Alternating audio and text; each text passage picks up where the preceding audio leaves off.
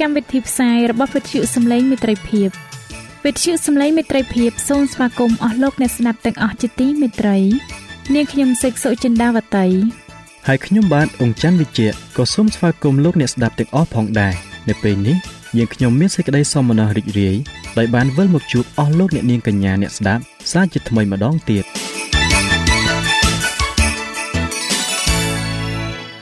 នាងខ្ញុំសេកសុចិន្តាវតី សូមជម្រាបជូនកម្មវិធីផ្សាយ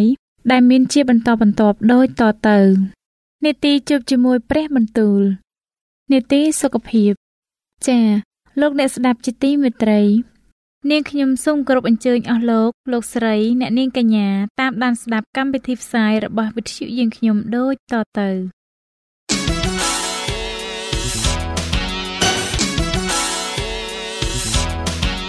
នេតិ ជួបជាមួយព្រះបន្ទូល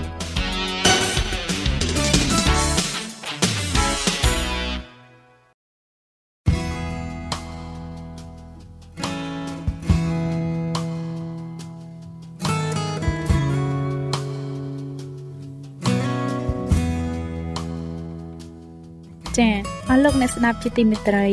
ជាដំបូងនាងខ្ញុំសូមអញ្ជើញលោកអ្នកនាងស្ដាប់នេតិជួបជាមួយព្រះបន្ទូលនេតិនេះ នឹងលើកយកព្រះបន្ទូល ពីព្រះគម្ពីរយោបដែលនឹងជម្រាបជូនដល់លោកអង្ចាន់វិជ្ជៈដូចតទៅ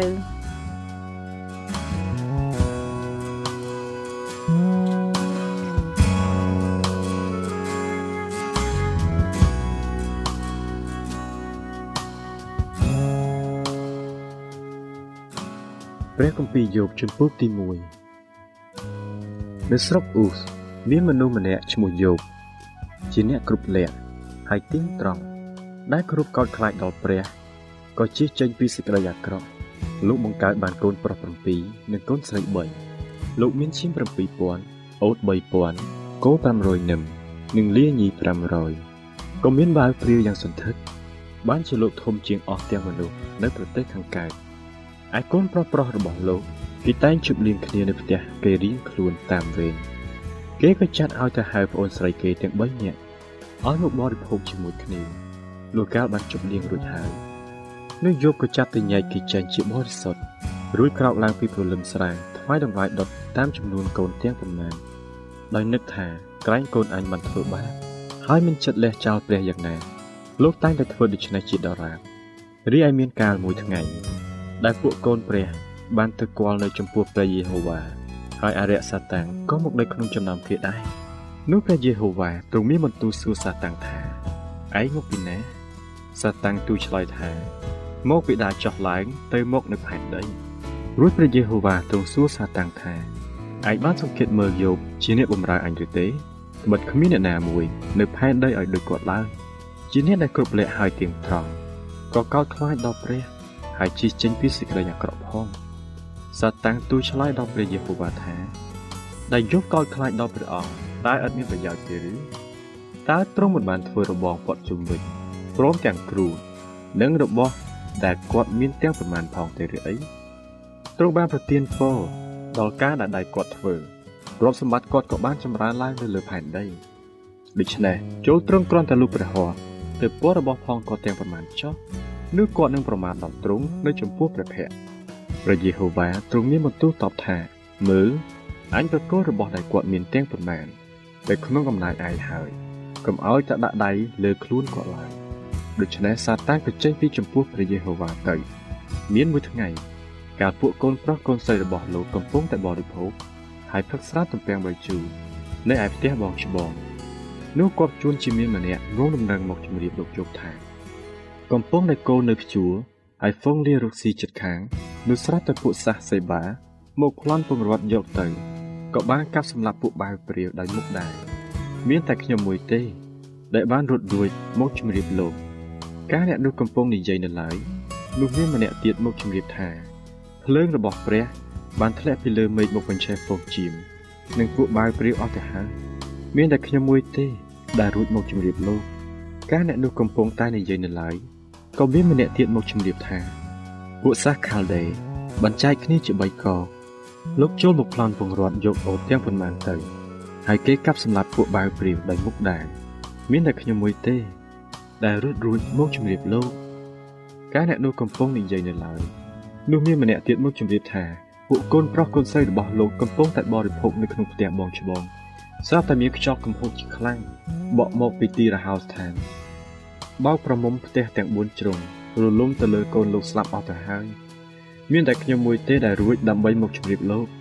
នោះយោបក៏កើកឡើងហែកអាវខ្លួន ហើយកោតសក់រួចផ្ដួលខ្លួនក្រាបចុះដល់ដីថ្វាយបង្គំដោយពាក្យថាទោះបង្គំបានចេញពីផ្ទៃម្ដាយមកដោយខ្លួនទៅទេហើយនឹងត្រឡប់ទៅវិញដោយទៅទេដែរព្រះយេហូវ៉ាទ្រង់បានប្រទានមកហើយទ្រង់ក៏បានដកយកទៅវិញសូមឲ្យព្រះនាមព្រះយេហូវ៉ាបានប្រកបចោលក្នុងគ្រប់ទាំងសេចក្តីនោះ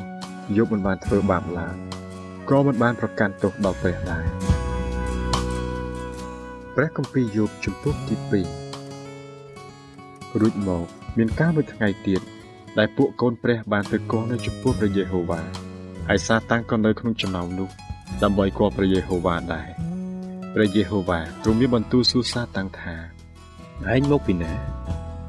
សាតាំងទូលឆ្លើយថា មកពីដើរចុះឡើងទៅមកនៅផែនដីរួចព្រះយេហូវ៉ាទ្រង់សួរថាឯងបានសង្កេតមើលយប់ជាអ្នកបម្រើអញឬទេ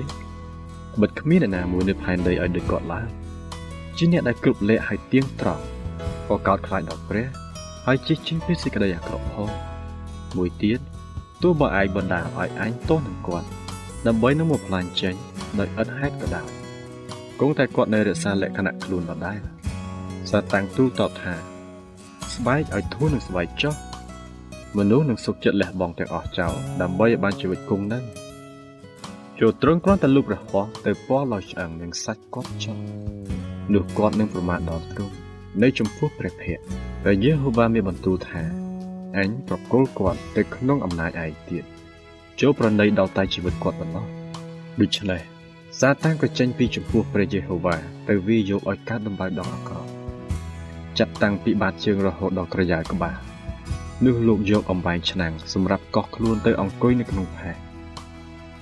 ឯប្រពន្ធលោកនាងនិយាយថា អ្នកនៅតែរក្សាលក្ខណៈខ្លួនទៀតឬចូលប្រមាថដល់ព្រះហើយស្លាប់ទៅចោះ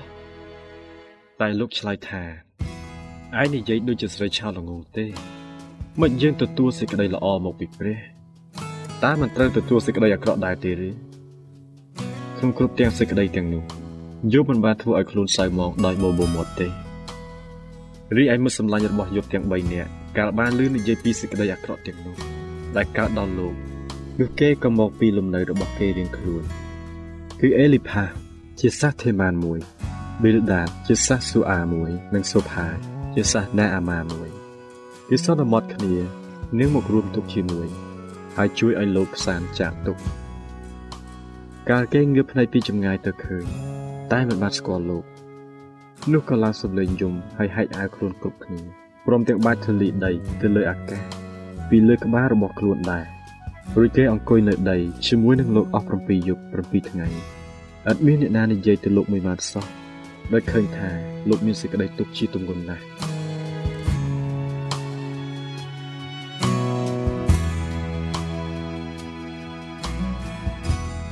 ព្រះគម្ពីរយោបជំពូកទី3 ក្រោយនោះមកយប់ក៏បើកមាត់ពោលពាក្យប្រតិចផ្ដាសាយ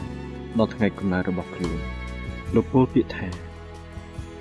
សូមឲ្យថ្ងៃដែលខ្ញុំកើតមកត្រូវវិនិច្ឆ័យទៅ គឺជាជប់ដែលគេប្រកាសថា មានកូនមកចាប់ទុំផ្ទៃនោះសូមឲ្យថ្ងៃនោះបានសូន្យទៅសូមកុំឲ្យព្រះនឹករកពីស្ថានលើឡើយក៏កុំឲ្យមានពន្លឺចាំងមកបំភ្លឺឲ្យសោះសូមឲ្យសេចក្តីងងឹតនិងមលប់នៃសេចក្តីស្លាប់មកទទួលធ្វើជាម្ចាស់ សូមឲ្យមានពពកនៅជាប់ពីលើហើយសូមឲ្យសូរគ្រាមកបំភ័យផងអាយុនោះ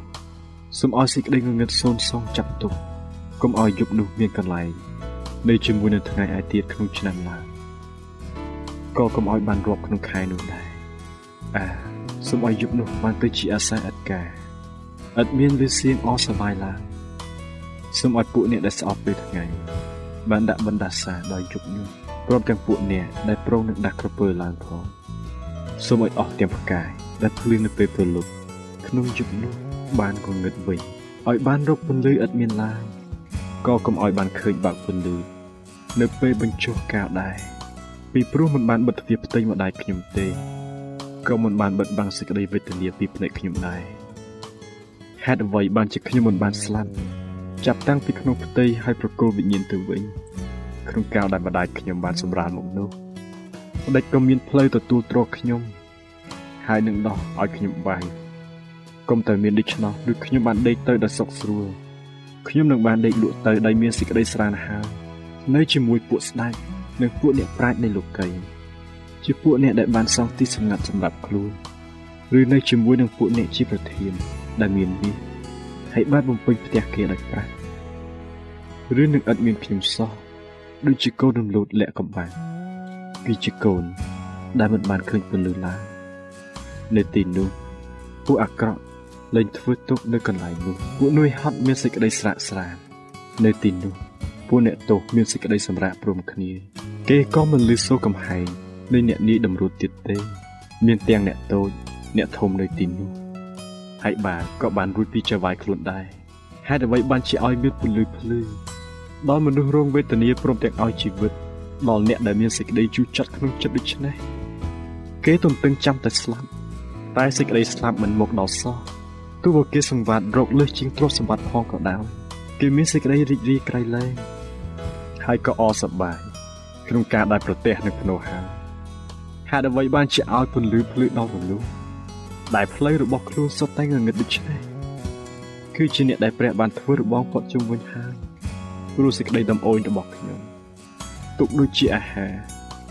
ហើយដំងោខ្ញុំក៏ហូរចេញដូចជាទឹកត្បិតសេចក្តីដែលខ្ញុំខ្លាចនោះបានកើតដល់ខ្ញុំសេចក្តីដែលនាំឲ្យខ្ញុំភ័យនោះក៏មកដល់ខ្ញុំហើយខ្ញុំគ្មានសេចក្តីសុខគ្មានសេចក្តីខ្សែមខ្សានក៏គ្មានសេចក្តីសម្រាកឡើយគឺមានតែសេចក្តីទុក្ខប៉ុណ្ណោះ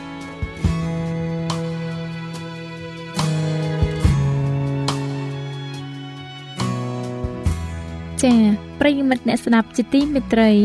ដោយពេលវេលាមានកំណត់ យើងខ្ញុំសូមផ្អាកនាទីជប់ជាមួយព្រឹបបន្ទូលនេះត្រឹមតែប៉ុណ្ណេះសិនចុះដោយសន្យាថានឹងលើកយកនីតិនេះមកជម្រាបជូនជាបន្តទៀតនៅថ្ងៃស្អែកសូមអរគុណ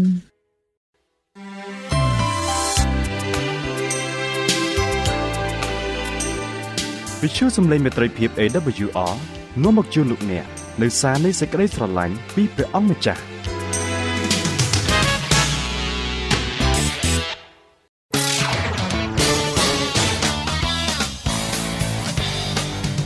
សូមជូននីតិសុខភាព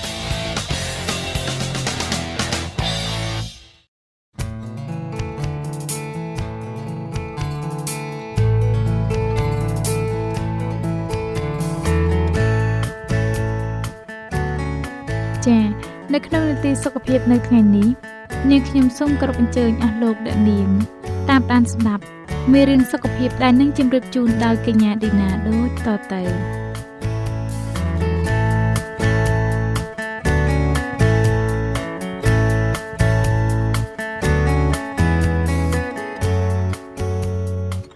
លោកអ្នកស្ដាប់ជាទីមេត្រីនាងខ្ញុំសូមជម្រាបសួរសូមអរលោកអ្នកបានប្រកបដោយព្រះគុណនិងសេចក្តីសុខសាន្តអំពីព្រះដ៏ជាព្រះវរបិតានិងពីព្រះយេស៊ូវគ្រីស្ទជាព្រះអម្ចាស់នៃយើងរាល់គ្នានេះខ្ញុំមានអំណរណាស់ដែលបានវិលមកជួបលោកអ្នកសាជាថ្មីនៅក្នុងនាទីសុខភាពម្ដងទៀតហើយនៅថ្ងៃនេះនាងខ្ញុំសូមលើកយកមេរៀនថ្មីមួយទៀតដែលមានចំណងជើងថា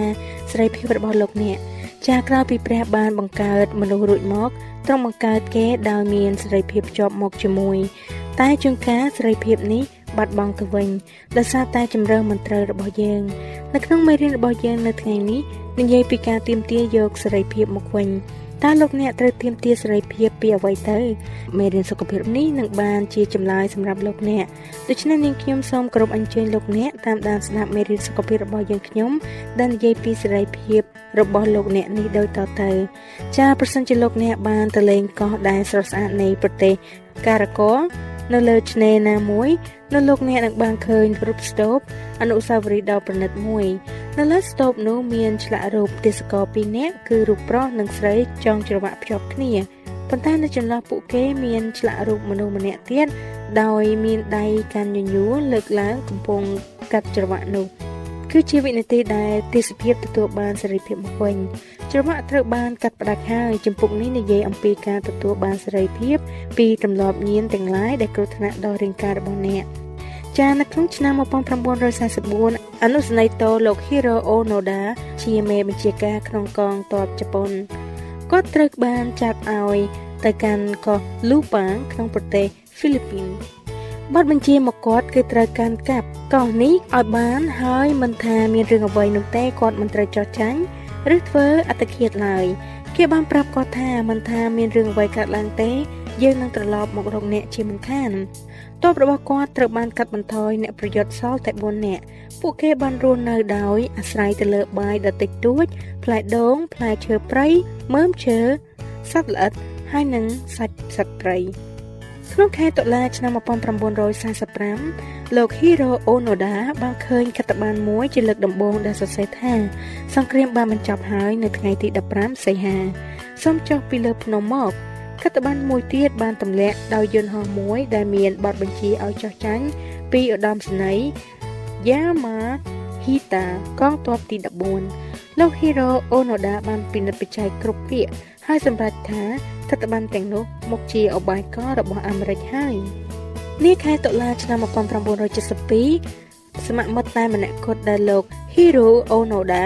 នៅសេសសល់ត្រូវបានគេសម្លាប់ជាច្រើនឆ្នាំកន្លងមកគេបានផ្ញើកាសែតផ្សេងផ្សេងឲ្យគាត់នៅក្នុងព្រៃសម្បត្តិពីសាច់ញាតិទាំងឡាយត្រូវបានទម្លាក់ពីយន្តហោះការប្រកាសជាសរសម្លេងតាមឧខោសនៈស័ព្ទពីសាច់ញាតិទាំងឡាយទៅឯភ្នំ ប៉ុន្តែលោក Hiro Onoda មិនជឿថាគាត់មានសេរីភាពទេ ទីបំផុតអតីតមេបញ្ជាការរបស់គាត់ គឺលោកឧត្តមសេនីយ៍ Tota Nikochi បានមកពីប្រទេសជប៉ុន បានរកឃើញលោក Hiro Onoda នៅលើភ្នំហើយក៏អានបទបញ្ជាដោយផ្ទាល់ដែលថ្លែងថាគ្រប់សកម្មភាពកងទ័ពទាំងអស់ត្រូវតែបញ្ចប់បន្ទាប់ពីលាក់ខ្លួននៅលើកោះលូប៉ាងបាន30ឆ្នាំមកអនុសេនីយ៍តូលោក Hiro Onoda ក៏ទទួលបានសេរីភាពគាត់ក៏ត្រឡប់ទៅកាន់ប្រទេសជប៉ុនវិញដោយគេនៅទីនោះលើកដំកើងគាត់ជាវីរៈបុរសលោក Hiro Onoda រីករាយនឹងជីវិតថ្មីរបស់គាត់ហើយរស់នៅក្នុងប្រទេសប្រេស៊ីលមួយរយៈហើយគាត់បានទិញចំការមួយកន្លែងនៅទីនោះអស់រយៈពេល30ឆ្នាំមកហើយដែលគាត់បានរស់នៅក្នុងស្ថានភាពត្រដាបត្រដួដោយការទទួលទានសត្វល្អិតមើមឈើសត្វព្រៃនិងផ្លែឈើព្រៃក្នុងគ្រាដែលគាត់ គួរណាស់តែបាននៅឯប្រទេសជាមួយនឹងគ្រួសារជាទីស្រឡាញ់របស់គាត់ដំណឹងល្អគឺថាអស់អ្នកណាដែលជាប់ច្រវាក់ដោយទម្លាប់ផ្សេងផ្សេងជំរឿមិនត្រឹមត្រូវផ្សេងផ្សេងហើយនឹងការញៀនទាំងប៉ុន្មានគឺសុទ្ធតែអាចមានសេរីភាពឡើងវិញបើសិនជាពួកគេទទួលយកសេរីភាពរបស់ពួកគេ លិខិតដោះលែងរបស់ពួកគេត្រូវបានប្រថាប់ត្រាតាំងតែ2000ឆ្នាំមុនមកម្លេះចំណុចទី1ការកែប្រែ180 degree លោក Michael Harris បានចាប់ផ្ដើមទម្លាប់ញៀនកច្ឆាការពីធ្វើជាទាហានជើងទឹករបស់សហរដ្ឋអាមេរិកពេលត្រឡប់មករស់នៅធម្មតាវិញគាត់នៅតែបន្តញៀនកច្ឆាហើយថែមស្រាមួយមុខទៀតលោក Michael ស្រឡាញ់ Amber ជាភរិយារបស់គាត់ណាស់ ប៉ុន្តែមិនយូរប៉ុន្មានការញៀនរបស់គាត់คล้ายជាការចាប់អារម្មណ៍លេខ1របស់គាត់ទៅវិញខណៈដែលលោក Michael កំពុងបើកបរនៅតាមដងផ្លូវមួយក្នុងវាលខ្សាច់ Nevada ប្តីប្រពន្ធនេះចាប់ផ្ដើមឆ្លោះតតេងគ្នាអំពីការសេពគ្រឿងស្រវឹងនិងកញ្ឆារបស់លោក Michael បងជក់កញ្ឆាច្រើនឆ្នាំមកហើយវាមិនធ្វើឲ្យបងវង្វេងវង្វាន់អីផងផ្ទុយទៅវិញវាមានតែជួយបងវាធ្វើឲ្យសរសៃប្រសាទបងស្ងប់ហើយជួយបងឲ្យបានសម្រាកទៀត ប៉ុន្តែនៅម៉ោងព្រលឹមនៅឡើយរថយន្ត Ford Escort របស់គាត់បានរែកចង្កូតជ្រុលទៅធ្លាក់ក្នុងចលងមួយ Amber ខ្ទិះចេញតាមកញ្ចក់មុខនាងដេកស្បាតនៅលើខ្សាច់នៃ warehouse ឋានកំរើកមិនរួចទីបំផុតលោក Michael ក៏ទៅរកជំនួយមកបានហើយរថយន្តសង្គ្រោះបានប្រញាប់ដឹក Amber ឆ្ពោះទៅកាន់បន្ទប់សង្គ្រោះបន្ទាន់នៅ Las Vegas រយៈពេលច្រើនថ្ងៃច្រើនសប្តាហ៍ច្រើនខែចេះតែកន្លងទៅបន្ទាប់ពីការព្យាបាលនៅ Las Vegas រួចហើយបន្តទៅរដ្ឋ California ទៀតប៉ុន្តែវាកាន់តែច្បាស់ណាស់ថាអត្តពលដែលទង្គិចបោកនៃគ្រោះថ្នាក់នោះបានបណ្ដាលឲ្យ Amber ស្លាប់ដៃទាំងពីរខ្នងនិងជើងទាំងពីររបស់នាង នាងនឹងមិនអាចដើរបានទៀតទេដោយមានអារម្មណ៍តាប្រមល់ផងខូចចិត្តនិងកំហុសខ្លួនផងលោក Michael កាន់តែប្រើគ្រឿងញៀននិងគ្រឿងស្រវឹងខ្លាំងខ្លាំងខ្លាំងឡើងដើម្បីបិទបាំងអារម្មណ៍របស់ខ្លួនគាត់ចាប់ផ្ដើមចាក់ថ្នាំញៀនកូកាអ៊ីនផងដែរ គាត់មិនអាចមកជួប Amber ក្នុងស្ថានភាពដ៏គួរឲ្យអាណិតអាសូរនេះបាន ហើយក៏ខកខានមិនបានទៅសួរសុខទុក្ខនាងអស់រយៈពេលជាច្រើនថ្ងៃទីបំផុតនៅពេល Amber ត្រូវបានអនុញ្ញាតឲ្យចេញពីមន្ទីរពេទ្យនាងបានត្រឡប់ទៅផ្ទះម្ដាយរបស់នាងនៅ Fiji មនុស្សក្នុងសហគមន៍បានជួបជុំគ្នាជុំវិញនាងហើយមនុស្សរាប់រយនាក់បានចាប់ផ្ដើមអធិដ្ឋានឲ្យលោក Michael សូមឲ្យព្រះជាម្ចាស់ដកហូត នៅអំណាចញៀនដែលគ្រប់គ្រងយ៉ាងអាក្រក់លើខ្លួនគាត់ ចំណុចទី2ភាពអស្ចារ្យនៃខួរក្បាលដែលរួចផុតពីការញៀនស្នាដៃទម្ងន់1គីឡូ3ខាំដែលអស្ចារ្យបំផុតហើយមិនគួរឲ្យជឿដែលហួសពីការស្មាននោះគឺខួរក្បាលមនុស្សពោលគឺខួរក្បាលរបស់លោកអ្នកតែម្ដងវាជាវត្ថុដ៏អស្ចារ្យដែលផ្ទុកកោសិកាសរសៃប្រសាទជាង10000លានដែលត្រូវបានហៅថា neuron និងមានមុខតំណែងតភ្ជាប់ដែលហៅថា synapse ជាង10សែនកោដ អ្នកវិទ្យាសាស្ត្រមួយចំនួនចាត់ទុកវាថាជាវត្ថុដ៏ស្មុគស្មាញបំផុត នៅក្នុងចក្រវាឡដែលមនុស្សលោកយើងស្គាល់សូមមើលសេចក្តីពិស្ដារបន្ថែមស្ដីពីខួរក្បាលនៅក្នុងសភៅការចាប់ផ្ដើមជំពូកទី6ទីបញ្ជាការភាគ1ព្រះជាម្ចាស់បានប្រទានខួរក្បាលនេះដល់យើងដើម្បីគិតនិងធ្វើ ទីបញ្ជាការនៃវត្ថុដ៏អស្ចារ្យនេះគឺខួរក្បាលផ្នែកខាងមុខ នេះគឺជាកន្លែងសម្រាប់ជ្រើសរើសជាកន្លែងដែលធ្វើការសម្រេចចិត្តនៅក្នុងខួរក្បាលលើកដាក់ដៃរបស់អ្នកនៅលើថ្ងាសពីលើចិញ្ចើមរបស់អ្នកទីនេះគឺជាកន្លែងដ៏ស័ក្តិសិទ្ធិដែលតម្រង់ទិសគំនិតរបស់លោកអ្នកហើយធ្វើការសម្រេចចិត្តយ៉ាងត្រឹមត្រូវនិងមានសិលធម៌វាជាកន្លែងដែលយើងអាចធ្វើការជ្រើសរើសរវាងល្អនិងអាក្រក់ពោលគឺយើងអាចជ្រើសរើសរវាងអ្វីដែលល្អជាងនិងល្អបំផុត ហេតុនោះបានជាអរិយសតាំងវាព្យាយាមធ្វើឲ្យស្រពេចស្រពិលភ័ន្តច្រឡំដល់ផ្នែកនៃខួរក្បាលនេះខួរក្បាលផ្នែកខាងមុខគឺជាបលាំងនៃមនសិការគឺជាអំណាចនៃហេតុផលនិងឆន្ទៈរបស់យើងវាគឺជាអ្នកកំណត់បុគ្គលិកលក្ខណៈនិងចរិតលក្ខណៈរបស់អ្នកខួរផ្នែកខាងមុខចាំបាច់ត្រូវការពារឲ្យបានល្អទាំងខាងចិត្តវិញ្ញាណនិងរូបកាយវាជាអ្នកញែកលោកអ្នកឲ្យខុសពីពពួកសត្វទាំងឡាយ គ្រប់ទាំងការសម្រេចចិត្តទាំងអស់ទោះតូចឬធំក្តីត្រូវឆ្លងកាត់កន្លែងនេះវាជាសារជាតិពិតរបស់អ្នកទីនេះជាកន្លែងដែលកំណត់របស់អ្នកខ្លាយជាសកម្មភាពសកម្មភាពរបស់អ្នកខ្លាយជាទម្លាប់ហើយទម្លាប់របស់អ្នកខ្លាយជាវាសនារបស់អ្នកត្រូវការពីខួរក្បាលផ្នែកខាងមុខពីរបស់ដែលនាំឲ្យគ្រោះថ្នាក់ទាំងខាងក្នុងនិងខាងក្រៅដើម្បីរក្សាវាតាមទ្រង់ទ្រាយមួយដែលល្អបំផុតលោកបណ្ឌិត Daniel Amen បានធ្វើការពិនិត្យរូបស្ពេចខួរក្បាលជាង30000ផ្ទាំងប្រភេទនៃរូបនេះគឺជាផែនទីនៃសកម្មភាពចរន្តអគ្គិសនីនិងលំហូររបស់ឈាមទៅកាន់ផ្នែកផ្សេងៗនៃខួរក្បាលលោកអាមែនគឺជាបុគ្គលឯកទូទាំងពិភពលោកក្នុងឯកទេសនេះនៅក្នុងការបោះពុម្ពផ្សាយរបស់គាត់បានរៀបរាប់អំពីខួរក្បាលដែលគ្មានការញៀតមានសុខភាពល្អពោលគឺជាខួរក្បាលដែលសកម្មរលូននិងមានសមាមាត្រ រូបគូក្បាលស្ពេចពិពណ៌នាបែប graphic នៅលក្ខណៈមិនប្រក្រតីនៅក្នុងសកម្មភាពគូក្បាលដោយសារតែសារធាតុញៀនផ្សេងៗគ្នា ហើយផ្ដល់ពន្យល់អំពីផ្នែកមួយនៃគូក្បាលដែលលែងមាន សកម្មភាពអគិសនីគូក្បាលធម្មតានិងលែងមានចលនា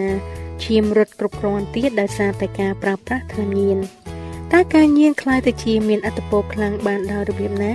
បានជាអាចធ្វើឲ្យមនុស្សសុចរិត ជ្រើសរើសយកការញៀនជាជាងការយកចិត្តទុកដាក់ចំពោះមនុស្សដែលពួកគេស្រឡាញ់បំផុតក្នុងជីវិតរបស់ពួកគេទៅវិញចំណុចទី3និយមន័យនៃការញៀនការញៀនរីកដុះដាលខ្លាំងឡើងនៅពេលដែលទម្លាប់អាក្រក់កាន់តែអាក្រក់ឡើង ការញៀនមានទម្រង់ជាច្រើនរាប់តាំងពីការញៀនសារធាតុផ្សេងៗដូចជាគ្រឿងស្រវឹងបារីរហូតដល់ទម្លាប់មួយចំនួនដែលពិបាកផ្ដាច់ដូចជាញៀននឹងធ្វើការ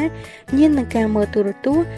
ឬញៀននឹងលេងអ៊ីនធឺណិតជាដើមនិយមន័យនៃខួរក្បាលដែលញៀននោះគឺជាការញៀនខានមិនបាន ដែលមានគ្រោះថ្នាក់ឬអន្តរាយដែលកំណត់លក្ខណៈដោយការឈប់មិនបាន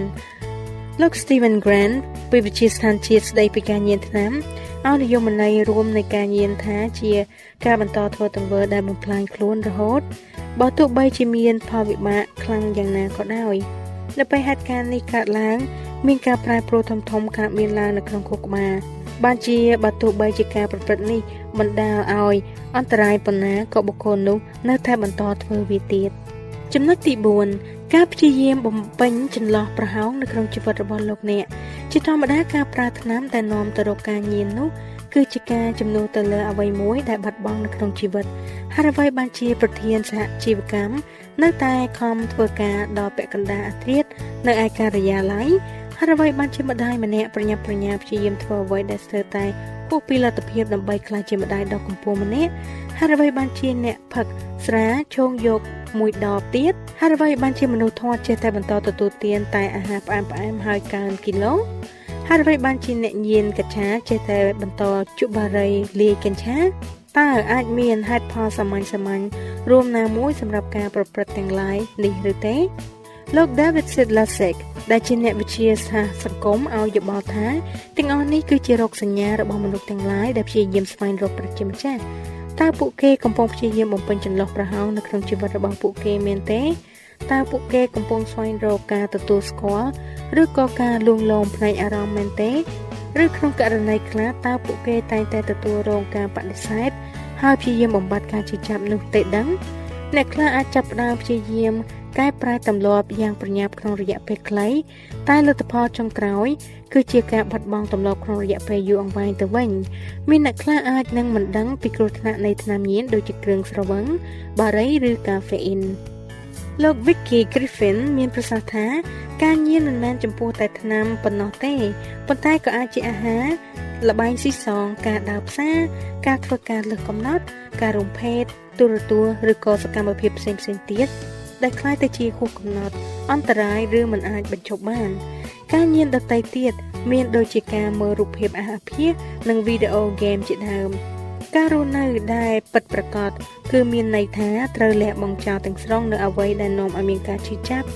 ហើយងាកមកប្រើប្រាស់សុភវិនិច្ឆ័យដែលនាំឲ្យមានសុខភាពល្អវិញ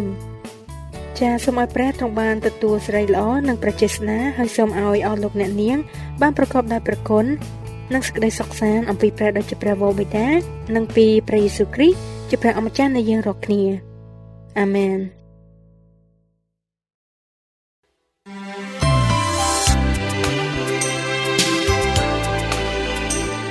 វិទ្យុសំឡេងមេត្រីភាព AWR